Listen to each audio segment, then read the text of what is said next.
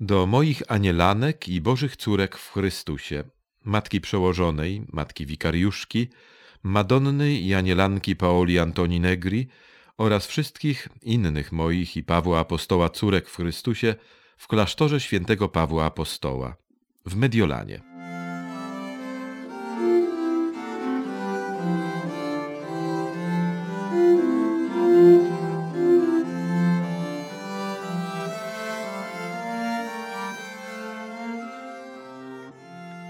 Dolcissime e mie dilette viscere, e unico spirito e conforto mio, qual solo mi Moje consola najmilsze e i ukochane córki, moje jedyne życie i pociecho. Wy jesteście moją jedyną ulgą i otuchą. Jestem przepełniony radością, kiedy myślę o powrocie do moich szlachetnych, szczodrych dusz i ukochanych moich córek, które są moją koroną i moją chwałą, a których pewnego dnia będzie mi zazdrościł nasz święty Paweł. Tak, moje córki, w istocie nie macie mniej miłości do krzyża Chrystusowego, czy też pragnienia cierpienia dla Chrystusa, niż duchowe córki Pawłowe. Córki moje nie ustępują Pawłowym w pogardzie światem i sobą.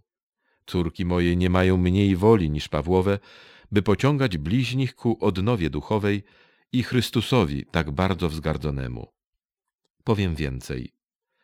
Córki moje, nie jedna, lecz wszystkie, zrzekają się wszelkich przywilejów swojego dobrego imienia i upodobań wewnętrznych, które w większości każda z nich bardzo kochała, aby w ten sposób stać się apostołkami, usuwając nie tylko bałwochwalstwo i inne wielkie wady duszy, ale by nade wszystko zniszczyć tą zaraźliwą i największą nieprzyjaciółkę Chrystusa ukrzyżowanego, królującą w naszych czasach, a której na imię letniość.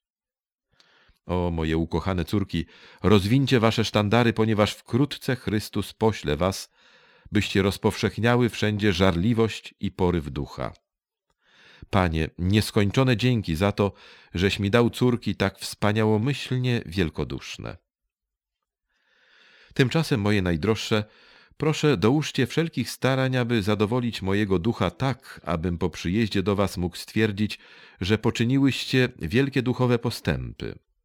I tak jedna z was posiadła stałość i żarliwość w duchowych sprawach tak mocną, że nigdy więcej nie stanie się ofiarą zmienności pomiędzy zapałem a letniością, ale by dążyła do uzyskania świętego zapału, który jest jak źródło życiodajnej wody, wzbogacające o coraz to nowe siły.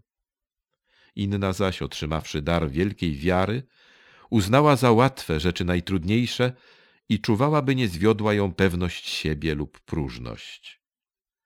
Kolejna wykazała się wszelką możliwą doskonałością w pracach ręcznych, nawet najmniej znaczących. Niech w nie włoży jak najwięcej starania, niech zwalcza znużenie lub uczucie upokorzenia. Jeszcze inna zatraciła się całkowicie w służbie dla bliźniego, lekceważąc swoje własne sprawy, by przekonać się, że jest wielką zdobyczą dla niej nie dbać o samą siebie, ale o innych. Jedyną osobistą korzyścią będzie roztropność i ciągła dojrzałość w podejmowaniu decyzji. Inne poskromiły w sobie bezpodstawny smutek, apatię, wynikającą z braku postępów duchowych lub zatwardziałości ducha, rozproszenie czy inne wady. Oby mi było dane, abym rozpoznał, że otrzymałyście nauczyciela sprawiedliwości, świętości i doskonałości, ducha pocieszyciela.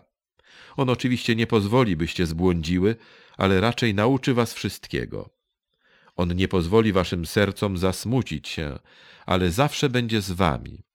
Nie doświadczycie żadnego niedostatku, ponieważ On obdarzy was stałym duchem zapominania o sobie w nędzy krzyża. Spowoduje, że będziecie wiodły życie wzorowane na Jezusie Chrystusie, który jest naśladownictwem wszelkich świętych.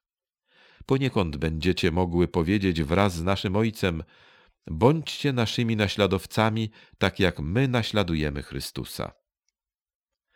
Bądźcie świadome jednego, że obaj nasi błogosławieni ojcowie, apostoł Paweł i fra Batista, pozostawili nam tak wielki przykład szlachetnej i głębokiej miłości do Jezusa ukrzyżowanego, umiłowania swoich cierpień, poniżeń i miłości dla całkowitego pozyskania innych dla Chrystusa, tak że gdybyśmy nie pragnęli bezgranicznie tych darów, nie zasługiwalibyśmy na miano ich dzieci. Jestem pewien, że nie chcecie stać się takimi, zwłaszcza, że wasze serce pragnie należeć nade wszystko do Chrystusa, że pragniecie sprawić mi radość, że mnie kochacie jak Ojca. Nie ma godziny, bym nie myślał o was z czułością, w oczekiwaniu na chwilę, kiedy ponownie będę wśród was.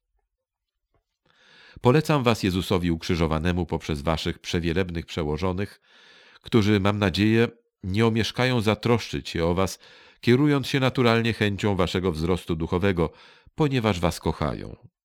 Ja zaś polecam was w każdym momencie w mojej modlitwie, jak przystało na wiernego sługę.